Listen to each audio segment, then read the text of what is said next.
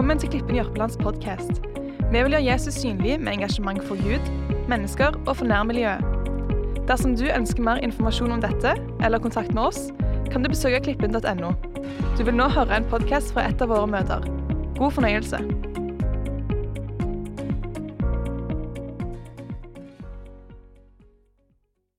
Du, eh, når vi gir en gave, så er jo målet å gi en gave at det skal bringe glede. At det skal være med å velsigne. Og når minste svogeren min var seks-syv år gammel, så tenkte meg og Line at nå skulle vi slå på stortromma, og vi ønsket å virkelig å velsigne han med en gave som vi trodde han skulle bli veldig glad for. Vi kjøpte et svært badebasseng, og vi gleder oss veldig til å gi denne gaven. Når han, fikk, når han fikk gaven, så var reaksjonen at han begynte å grine. Og vi spurte han, 'Hvorfor griner du?' Så svarte han, 'Jeg ønsket meg et tre så jeg kunne klatre i, og så jeg kunne sage ned når jeg ville.' Det er ikke alltid at de gavene som vi gir, blir verdsatt sånn de burde. At Gud ble menneske, er den største gaven vi har fått. Men det er ikke alltid at jeg klarer, og kanskje ikke dere heller, at vi klarer å ta inn over oss hvor fantastisk stort det faktisk er. Og i denne gaven, hvis vi klarer å gripe den, så ligger det et enormt potensial til fred, til glede, til trøst, til håp. Og vi kunne fortsatt og lagt mange fine ord på det. Derfor tror jeg at noe av nøkkelen for at vi skal få tak på dette, er å fokusere på det vi allerede har fått. Mer enn at vi bare fokuserer jul på det vi skal gi, og det vi skal få, som vi også selvfølgelig gleder oss til. Jeg skal starte med å lese et ord fra Johannes, og der står det Og orda ble mennesker og tok bolig iblant oss. Og vi så hans herlighet. Den herlighet som den enbårne har fra Faderen. Full av nåde og sannhet. Og av hans fylde har vi alle fått, og det nåde over nåde. For loven ble gitt ved Moses, men nåden og sannheten kom med Jesus Kristus. De så Herrens herlighet. Og de forsto at den gaven representerte nåde over nåde. Vi trenger å se hans herlighet. Kjære far, takker deg, Jesus, for at du vil vise deg for oss. Du vil vise din herlighet. Jeg ber om at eh, vi skal forstå virkeligheten og viktigheten av den nåden som du ga til oss. Vi ønsker at din fortelling, Gud, den store fortellingen ikke bare skal være teori vi tar avstand fra, men den skal gripe oss, sånn at vi blir velsigna på den måten som bare du kan. Velsign de minuttene vi har sammen nå, og må, da, må du bare tale til oss i Jesu navn. Amen. Yes, Vi holder på med denne taleserien her i desember som vi har valgt å kalle for Den store fortellingen. Målet i dag det er at vi skal forstå mer av den konteksten som Jesus ble født inn i. Og at vi skal i større grad gripe den gaven som Gud har gitt oss. Og jeg tror og håper at det skal bli til større begeistring i våre liv. Så på noen få minutter skal vi forsøke å male et veldig stort bilde fra, egentlig fra starten av og trekke paralleller i hele Gamle testamentet kanskje en umulig oppgave, men vi skal ta så headlight av noen ting. For jeg tror at det er viktig å få plotter for at vi skal skjønne hva det betydde at Jesus kom ned til oss. Så da bare gønner vi på, og vi starter fra første versen vi leser i første Mosebok, og der står det I begynnelsen skapte Gud himmelen og jorden. Jorda var utforma tom, og mørket lå over dypets overflate. Men Guds ånd svevde over vannoverflaten, og Gud sa, 'La det bli lys', og det ble lys. Jeg ser for meg Gud som bare den hellige ånd som bare på en måte surfer over jordoverflaten og begynner å drømme og lage planer om det fantastiske som han har tenkt å skape. Noen dager seinere i dette skaperverket så skaper Gud Han skaper i hvert fall mennesker, eh, og han skaper det i sitt bilde. Samtidig så former han mennesket av støv som han blåser liv i. Og her kommer egentlig vårt første problem. For mennesker er ikke bare skapt i Guds bilde, men vi er òg skapt av støv fra jorda. Og altfor ofte så blir vi dratt mot denne gravitasjonen og menneskeligheten som gjør at vi faller, som gjør at vi trår feil. Og I skapelsesberetningen og de første kapitlene så leser vi om de to første menneskene, Adam og Eva, som òg faller.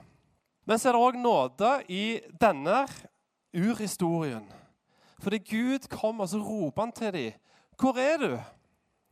Og Dette er et spørsmål som, som kommer egentlig gjennom hele historien, og som er aktuell òg den dag i dag. At Gud roper 'Hvor er du henne?' Gud han ønsker å ha en relasjon til oss. Hvor er du henne?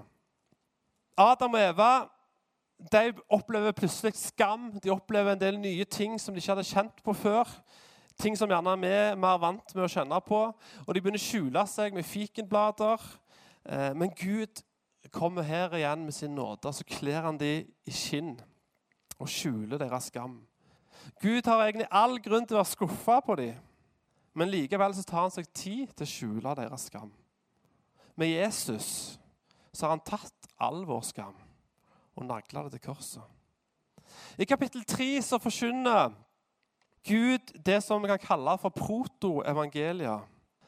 Den første profetien som er profetert om Messias, om Frelseren, om Jesus Kristus. Og Der står det fra kvinnens ett skal det komme en som skal knuse slangens hode. Jesus han ble korsfesta på Golgata. Golgata det betyr hodeskallestedet. Der overvant han det onde på Golgata, akkurat som han hadde lovt. Tida går. Eh, Adam og Eva de blir kasta ut av hagen i kjærlighet fordi Gud frykter at de skal ete av livets tre, som vil gjøre at de lever evig liv med ufullkommenhet. Så Derfor måtte Gud skape et nytt paradis for oss mennesker. Dette her eh, paret de får etter hvert unger. Og jeg kan bare se for meg at Adam og gutta boys, eh, Kain og Abel, spaserer en tur ute. Og eh, Mens Adam forteller guttene sine historien, og så sier han at der inne spiste mamma oss fra gård og grunn. Og eh, Han sa ikke det, men vi vet at Adam sa tidligere at det var kvinnen som ba meg om å spise epler. Det var gjerne ikke helt rettferdig å skylde på hun. Eh, men noen ting forandrer seg jo aldri. Noen ting er likt. Eh, jeg husker når vi gifta oss, så hadde Svein Kåre en fantastisk eh, sketsj, for han var toastmaster. Så sa han det at Kan du skylde på det andre? Nei. Synd for deg. Kan du skylde på andre? Ja. problem løst. Og det er noe med det. Men det som skjer egentlig her, det er at Gud, som er hellig, som er ren, som ikke visste av synd, i Guds kjærlighet, pga. den avstanden som oppsto, så begynner han å lage en midlertidig løsning. Hvor han kunne ofre det som vi kan kalle for en stedsfortreder. At noen tok ens plass, så en slapp sjøl å bli dømt. Og ser helt ifra tidlig i Mosebøkene så lærer Gud Kain og Abel hvordan en skal ofre til Gud et dyr, et blod, for at en skal få forsoning. Og Kain han gir av plikt, og han gir et, på en måte, et dårlig offer. Mens broren, Abel, lillebroren, han gir av det beste han har, det beste av dyra, så gir han til Gud. Og Gud han berømmer Abel, mens Kain blir misunnelige. Og Kain skal til å gjøre noe grusomt, men Gud forsøker å advare han, sånn at han skal velge en bedre vei. Og så sier han til han, har du gått i sinne, kan du, ikke, kan du ikke da se frimodig opp. Men hvis du ikke har gått i sinne, ligger synden på lur ved døren. Dens ondes lyst vil fange deg, men du skal herske over han. Gud han, han visste at Kain gikk rundt og siktet i bakken og, og, og lagde egentlig stygge tanker og, og, planer for hva han skulle gjøre med broren. Eh, og, Gud kom inn og prøver å på en måte rettlede han, og han sier faktisk til han at eh, du skal ha makt over det onde. Og Det er òg et ønske Gud har. Han har skapt oss med en fri vilje. Vi blir gitt en, en fri vilje. Og det er en risikosport, fordi det gjør at vi ofte velger det unna. Men Gud han kom inn her og sier at du skal ha makt over det onde. Allikevel så var ikke Kain vis nok til å lytte til Guds ord, og han slår i hjel broren. Gud kommer og sier, 'Din brors blod roper fra jorda.' 'Du skal være en fremmed og fredløs.' Så står det Kain, han angrer så sier han, 'Min skyld er større enn hva jeg kan bære.' Videre så sier han, 'For ditt ansikt må jeg skjule meg.' Kain er redd for at andre skal drepe han når de hører om hva han har gjort. Men også, her så kommer Gud med nåde. Og så sier han, 'Den som slår Kain i hjel, skal få sju ganger straff tilbake.' Så satte et eh, Gud et merke på Kain som gjorde at ingen tørde å røre han. Og et bilde på at Jesus han har satt sitt merke på meg og deg. Historien halter videre i, i, i denne urhistorien. Eh, og ondskap avler ondskap, og det står i kapittel 6 at Gud kunne ikke lenger si at jorda var, at var godt, som det var i utgangspunktet. Og han angrer faktisk på skaperverket, full av sorg. Det som starta så bra, ser ut til å ende så dårlig. Men igjen så viser Gud òg her sin nåde. Når han ber denne rettferdige mannen, Noah, om å bygge en ark, en kjempesvær båt, av tre som skulle frelse fra dommen. I flere hundre år eh, så bygger Noah, sønnen hans og konene, denne arken. Arken er òg et bilde på frelsen tre korsene. Det er ikke noe jeg dikter sjøl. Dette er eh, forska på av bibelforskere som kan Bibelen mye bedre enn meg. Det står i studiebibelen. bare sånn at eh, Når jeg kommer med en del sånne kommentarer og bilder, så, så er ikke det noe som jeg har dikta sjøl. Det var erken som redda dem ifra å drukne. På samme måte så er, det, så er det Jesus som frelser og redder meg og deg ifra dommen. Vannet var med og skapte et skille på det som var før, og det som var etterpå. Dette vannet er også et bilde på dåpen. Dåpen markerer et skille, men det er ikke dåpen som frelser. Jesus frelser fra dommen. Dåpen frelser fra verden. Menneskeheten får en restart. Gud sender vind, vannet forsvinner, arken lander på et fjell. De bygger et alter, han får en ny pakt, og Gud forteller dem hva de skal gjøre. Men mennesker blir på nytt dratt mot bakken. Og de vil skape seg et navn, et stort navn. Og så tenker de at når dette er så smart, nå skal de bygge et gigasvært tårn eh, som bare blir et svært monument som gir ære til deg. Gud likte ikke dette. Han skapte forvirring. Han ga dem forskjellige språk. Det ble Babbel i Babel. Folk blir spredt, nasjoner og folkeslag oppstår. Og I kapittel 12 så skjer det et av de viktigste sceneskiftene som vi leser om i Gamle testamentet. Gud kommer til en barnløs mann på 75 år og sier, 'Dra vekk ifra det landet jeg vil vise deg.' 'Jeg skal gjøre deg til et stort folk.' 'Jeg skal velsigne deg og gjøre ditt navn stort.' 'Og du skal bli til en velsignelse.' 'Jeg skal velsigne deg som velsigner deg, og forbanne de som forbanner deg.' 'Og i deg skal alle slekter på jorda ble velsigna. Dette løftet og denne profetien setter òg Norge på kartet. Den setter alle nasjoner på kartet. Ja, hele verden. Gud skal bruke et utvalgt folk til å velsigne alle folkeslag. Abraham er stamfar til Jesus. Det er gjennom Jesus at hele, hele jorda kan motta denne velsignelsen og ta imot denne gaven. Her er det ikke lenger mennesker som ønsker å gjøre seg et stort navn men det, eh, for ikke å bli spredt. Her er det Gud som vil skape et navn for å spre sin kjærlighet ut til hele verden.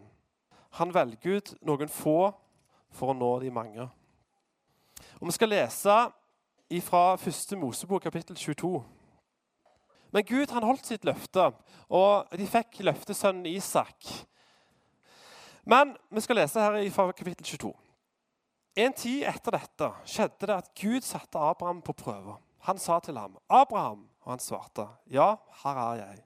Da sa han, 'Ta nå din sønn, din eneste, han som du har så kjær, Isak. Dra til Moria-landet og ofre ham der, som brenner for på et av fjellene som jeg skal vise deg.' Så sto Abraham tidlig opp om morgenen, og han lesset på eselet. Jeg, jeg, jeg bare sier allerede nå, Se parallellen inn mot Jesus.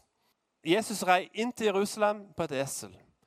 Her er det ei reis med en ofring på et esel. Han tok med seg to av tjenesteguttene og Isak sin sønn. Han kløvde ved til brennofferet og ga seg på vei til det sted Gud hadde sagt ham.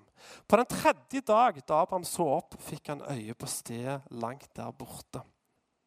Gud som ofra sin egen sønn, som et bilde på Abraham her. Han Jesus han var død i tre dager før han sto opp igjen. Abraham her hadde bestemt seg på forhånd at sønnen hadde han ofra. Så går det reis på tre dager. så Selv om Isak var død, så hadde han på en måte allerede ofra han, så han var på en måte død for han i, og sorgen og alt var nok på plass allerede. Da sa Abraham til tjenesteguttene.: Bli dere her med eselet, mens jeg og gutten går dit opp for å tilbe, og så kommer vi tilbake til dere. Så tok Abraham veden til brennofferet og la den på Isak sin sønn. Jesus sjøl måtte bære korset som av tre. Her måtte Isak bære veden på sine skuldre. Selv tok han, altså Abraham, ilden og kniven i hånden, og de gikk sammen, de to. Da tok Isak til orde og sa til sin far Abraham, 'Du far.' Og han sa, 'Ja, gutten min.' Han sa, 'Se, her er ilden og veden, men hvor er lammet til brennofferet?' Abraham svarte, Gud vil selv utse seg lammet til brennofferet, min sønn. Så gikk de videre sammen, de to. De kom da til stedet Gud hadde sagt ham. Der bygde Abraham alter og la veden til rette. Så bandt han Isak, sin sønn, og la ham på alteret oppå veden. Og Abraham rakte ut hånden og tok kniven for å ofre sin sønn. Da ropte Herrens engel. En liten eh, fotnote på det at når det står 'Herrens engel' i Guds ord, så er det faktisk Jesus sjøl i en engels skikkelse. Står der i min studiebibel. i hvert fall. Så kan du diskutere med bibelforskerne. Eh, men det står der, og det syns jeg er veldig interessant, at Gud sjøl kommer ned i historien. Og så ropte da Herrens engel, Jesus, til ham fra himmelen og sa, 'Abraham, Abraham!' Han svarte, 'Ja, her er jeg.' Da sa han, 'Legg ikke hånd på gutten, og gjør han ingenting.' For nå vet jeg at du frykter Gud, siden du ikke har spart en sønn, din eneste, for meg. Abraham så da opp, og se, bak han var det en vær, eller en sau, som hang fast etter hornene i et skjær. Abraham gikk da bort og tok væren, og han ofret den som brenner for istedenfor sin sønn. Og Abraham kalte dette stedet 'Herren ser'. Hva var det Gud så for noe? Hva var det Abraham så? Jo, dette var et bilde på det som skulle komme. En annen stedfortreder. Et fullkomment lam. Og Det er så utrolig mange kule detaljer her. Ja, hva Han ble ofra på Moria fjell. Det er der òg Golgata ligger. Herrens engel ropte så for annen gang til Abraham fra himmelen, og han sa, 'Jeg sverger ved meg selv', sier Herren. Fordi du gjorde dette og ikke sparte din sønn din eneste, så vil jeg storlig velsigne deg og gjøre deg din ett så tallrik som stjernen på himmelen og som sanden på havets strand. Din ett skal ta sine fienders porter i eie, og i din ett skal alle jordens folk velsignes fordi du har adlydt mitt ord. Gud peker fram mot noe hvor Gud sjøl skal gripe inn, sånn at vi slipper å gjøre som Abraham. Eh, jeg er ikke en sånn type kunstnerisk sjel, eh, men, men, men det er ett bilde som jeg har eh, ganske stor forkjærlighet for. Og jeg har lyst til å vise det til dere her. Det er malt av en maler som heter Rolf Groben. Og dette er for meg Gamle testamentet. Dette er for meg Guds store fortelling, hvor han portretterer en bedre virkelighet, representert ved Jesus Kristus. Han, sier, han viser om noe av det som skal komme, men han er i historiens samtid, i det mørke, i det vonde. Her ser vi ei, jente som, som, er i en forurensende by. Der er grått og mørkt. Hun sitter til stede der, men så maler hun et vakkert, vakkert bilde. Isak vokser opp, blir forelska i Rebekka, eh, og de får to sønner. Tvillinger, Esau og Jakob. Jakob han får tolv sønner, som igjen blir Israels stammer for det jødiske folk. Og I denne eh, greia her så får de òg navnet Israel, eh, og det blir et israelsk folk.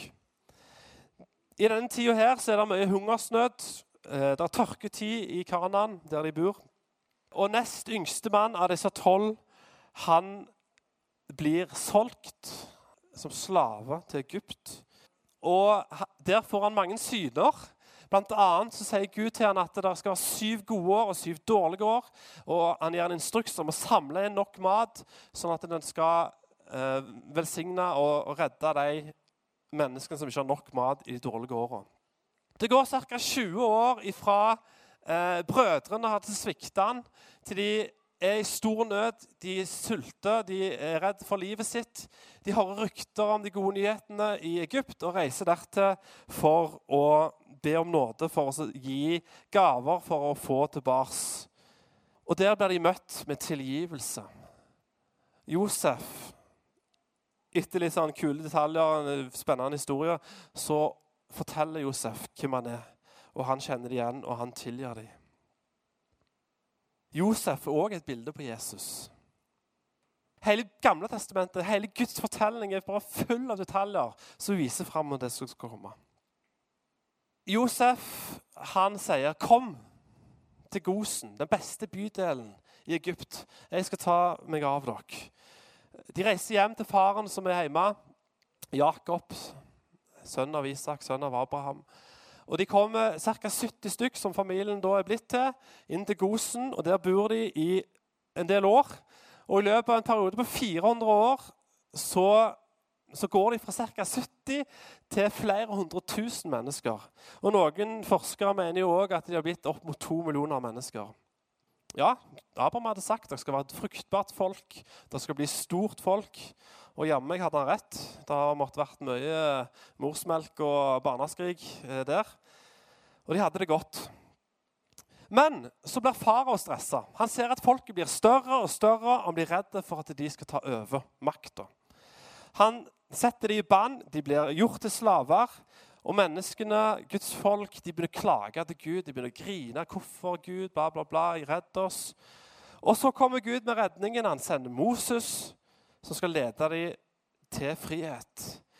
Farao han nekta, han vil ikke gi slipp på denne eh, arbeidskrafta. Ja, han ser at det er, dette er jo veldig bra. Jeg har også hørt noen som spekulerer i om det var det jødiske folk farao brukte til å bygge pyramidene. Jeg har altfor lite egentlig kjennskap til det, men interessant allikevel. Og Gud sier til Moses at han skal straffe farao med landeplager for at de skal slippe folket. Men farao er hard av hjerte, og han vil ikke slippe. Og Helt til slutt så kommer den tiende landeplagen, hvor Gud sier at han skal sende en dødsengel hvor alle førstefødte skal bli drept. Men hvis dere ofrer et lam, tar blod og stryker over karmen, treverket, på dørene deres, så skal dere bli redda.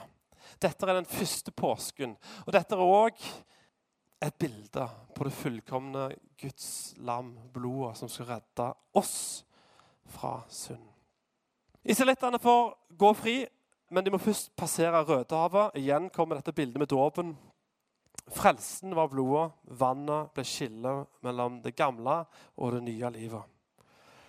Folka blir med Guds under leda gjennom, og Gud gir etter hvert Moses lover og regler for hvordan de skal leve. Og denne prototypen som er hele tida er i det er under utvikling.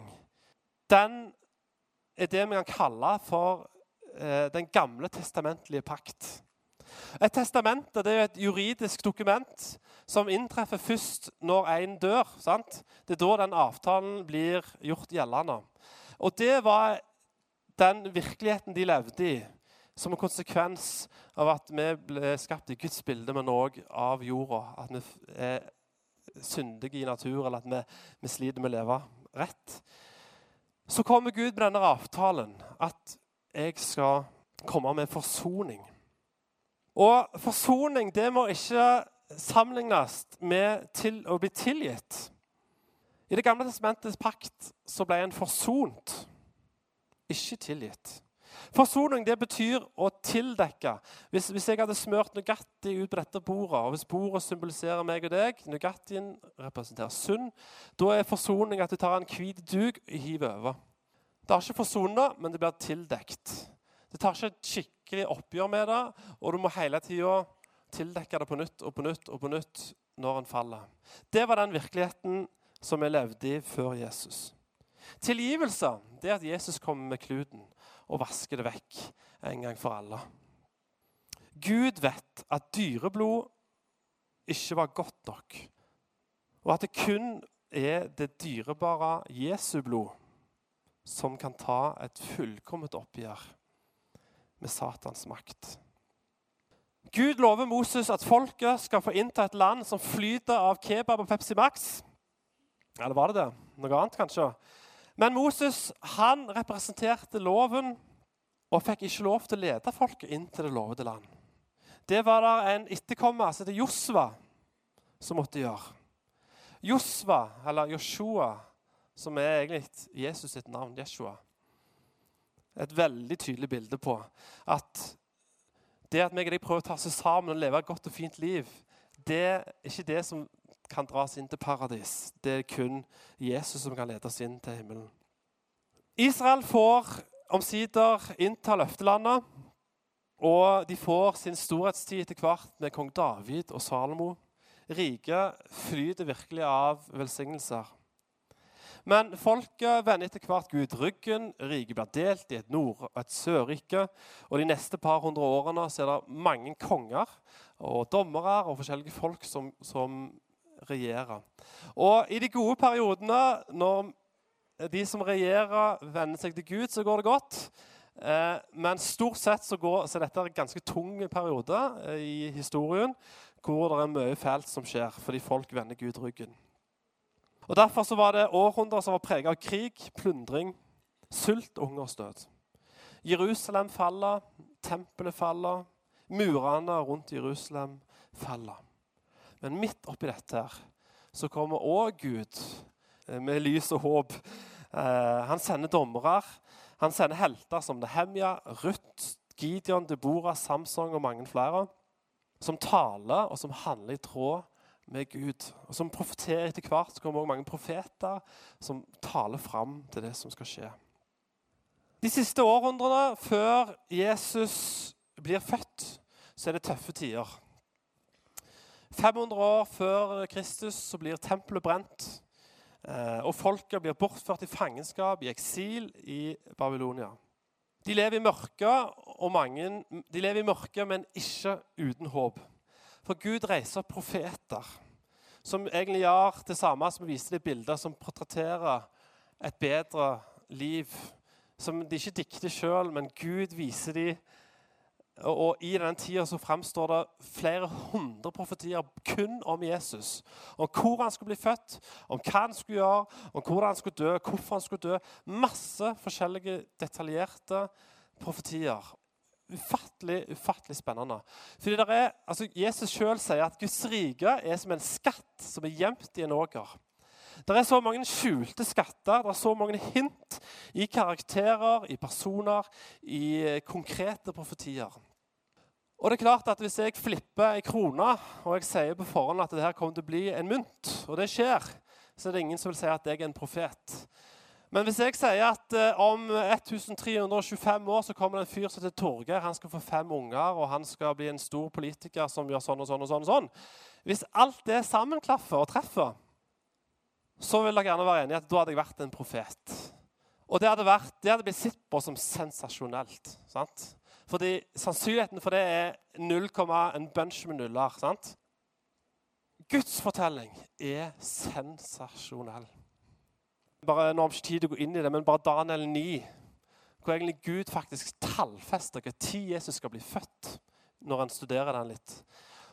Det er, helt, det, er en skatt som er gjemt, men hvis du, hvis du studerer det, så, så, kommer det fram at Gud tallfester når han skal bli født, når han skal begynne sitt virke, og når han skal dø. Wow. Gud reiser profeter som Esekiel, Eli, Elia, Jeremia, Jesaja, Mika og flere andre som maler et annerledes bilde av en frelser som kommer. Eh, hundrevis av profet, profetier vitner Messias. Og Historien holder på å lade seg opp til et slags klimaks. Om en frelser som er blitt profet, profetert om, som skulle bli født i en liten by som heter Betlehem. Det profeteres om ei stjerne som har hørt om her. Det profeteres at han skal bli født av ei jomfru. Det profeteres i detalj, i detalj, i detalj. Og De har funnet dødehavsruller som blir datert på papyr eller på, på dyreskinn. Så de kan datere at dette har blitt nedskrevet før Jesus blir født. For Noen kritikere kan jo komme og si at ja, men her kan du de, etter historien skjedde med Jesus, så kan de ha skrevet det ned og late som at det ble skrevet før. Men nei, dette er sensasjonelt. Dette er helt urimelig uten at det er en guddommelig touch over dette.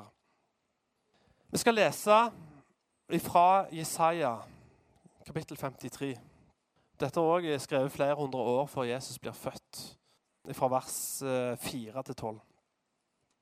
Der står det Sannelig, våre sykdommer har han tatt på seg og våre piner har han båret. Bare legg merke til at Dette er ikke evangeliene. Dette er ikke øyenvitnen som skriver. Dette er flere århundrer før Jesus i hele tatt er kommet til jorda. Men vi aktet han for plaget, slått av Gud og gjort elendig. Men han ble såret for våre overtredelser, knust for våre misgjerninger. Straffen lå på ham for at vi skulle ha fred, og ved hans sår har vi fått legedom. Vi får alle vill som får. Vi vendte oss hver til sin vei. Men Herren lot den skyld som lå på oss alle, ramme ham. Han ble mishandlet, han ble plaget, men han opplot ikke sin munn. Lik et lam som føres bort for å slaktes, og lik et får som tier når de klipper det. Han opplot ikke sin munn. Vers 8. Ved trengsel og dom ble han revet bort. Men hvem tenkte i hans tid? at når han ble utryddet av de levendes land, så var det for mitt folks misgjernings skyld plagen straffet ham. De gav ham grav blant ugudelige, men hos en rik. Han ble, han ble gravlagt hos en rik mann fra Arimathea, står det i evangeliene. Fordi han ingen urett hadde gjort. Pontus Pilatus, alle sammen Herodes, de klarte ikke å finne skyld hos han. Og det var ikke svik i hans munn. Men det behaget Herren å knuse ham. Han slo ham med sykdom. Når du gjør hans sjel til et skyldoffer, skulle han se etter kommende og leve lenge. Og Herrens hvile skulle ha framgang ved hans ånd. Fordi hans sjel har blitt møye, skal han se det og mettes. Ved at de kjenner ham, den rettferdige min tjener. Rettferdiggjør de mange. Direkte knyttet opp mot Abrahams løfter skal det bli til velsignelse for alle folkeslag. Og deres misgjerninger skal han bære. Derfor vil jeg, altså Gud sjøl, derfor vil jeg gi ham de mange til del, og sterke skal han få til bytte, fordi han uttømte sin sjel til døden og ble regnet blant overtredere. Han som bar mange synd, han ba for overtredere. Wow. Det er kun én ting som kan løse verdens problemer. Som kan løse at vi er vi blir dratt mot jorda, mot den gravitasjonen, mot synden. Kun én ting som fullkomment kan ta et virkelig oppgjør med dette. her. Og det er ikke dyreblod, men det dyrebare Jesu fullkomne blod. Derfor valgte han å fornedre seg sjøl og ble et menneske lik. Og beviste sin store kjærlighetserklæring, som har ligget i korta ifra han svevde over vannene, og han ønsket å skape noe så fullkomment. Så kom det et skille, at det kom en brutthet. Og vi har en brutthet, og vi har feil og mangler. Så kommer Jesus med fred. Immanuel. Gud er for deg. Gud er med deg. Jeg kjenner når jeg tenker på dette, her, når jeg tenker på denne Guds fortelling, når jeg tenker på det han har gjort, så blir jeg fylt av fred og glede. Og I går så måtte jeg trelle noen tårer, for det ble så sterkt for meg på nytt. Ser du da? At du har mottatt nåde over nåde. Da vet du at Jesus kommer fred. Et barn er oss født, en sønn er oss gitt. Herreveldet er lagt på hans skulder. Han har fått navnet underfull rådgiver, veldig Gud, evig far og fredsfyrste. Kjære far, takker deg nå, Gud, og inviterer deg, Den hellige ånd. Ber om at du skal bare akkurat i denne stunden Du ser det har vært masse ord, masse teori, men jeg ber om at du akkurat nå skal bare åpenbare for oss den gaven vi har fått ved at du ble kjød og sendte din sønn til jorda. Vi ønsker at du skal stå øverst på vår ønskeliste denne julen. At du skal være vår fremste gave. Du er den vi vil få tak i og få gripe.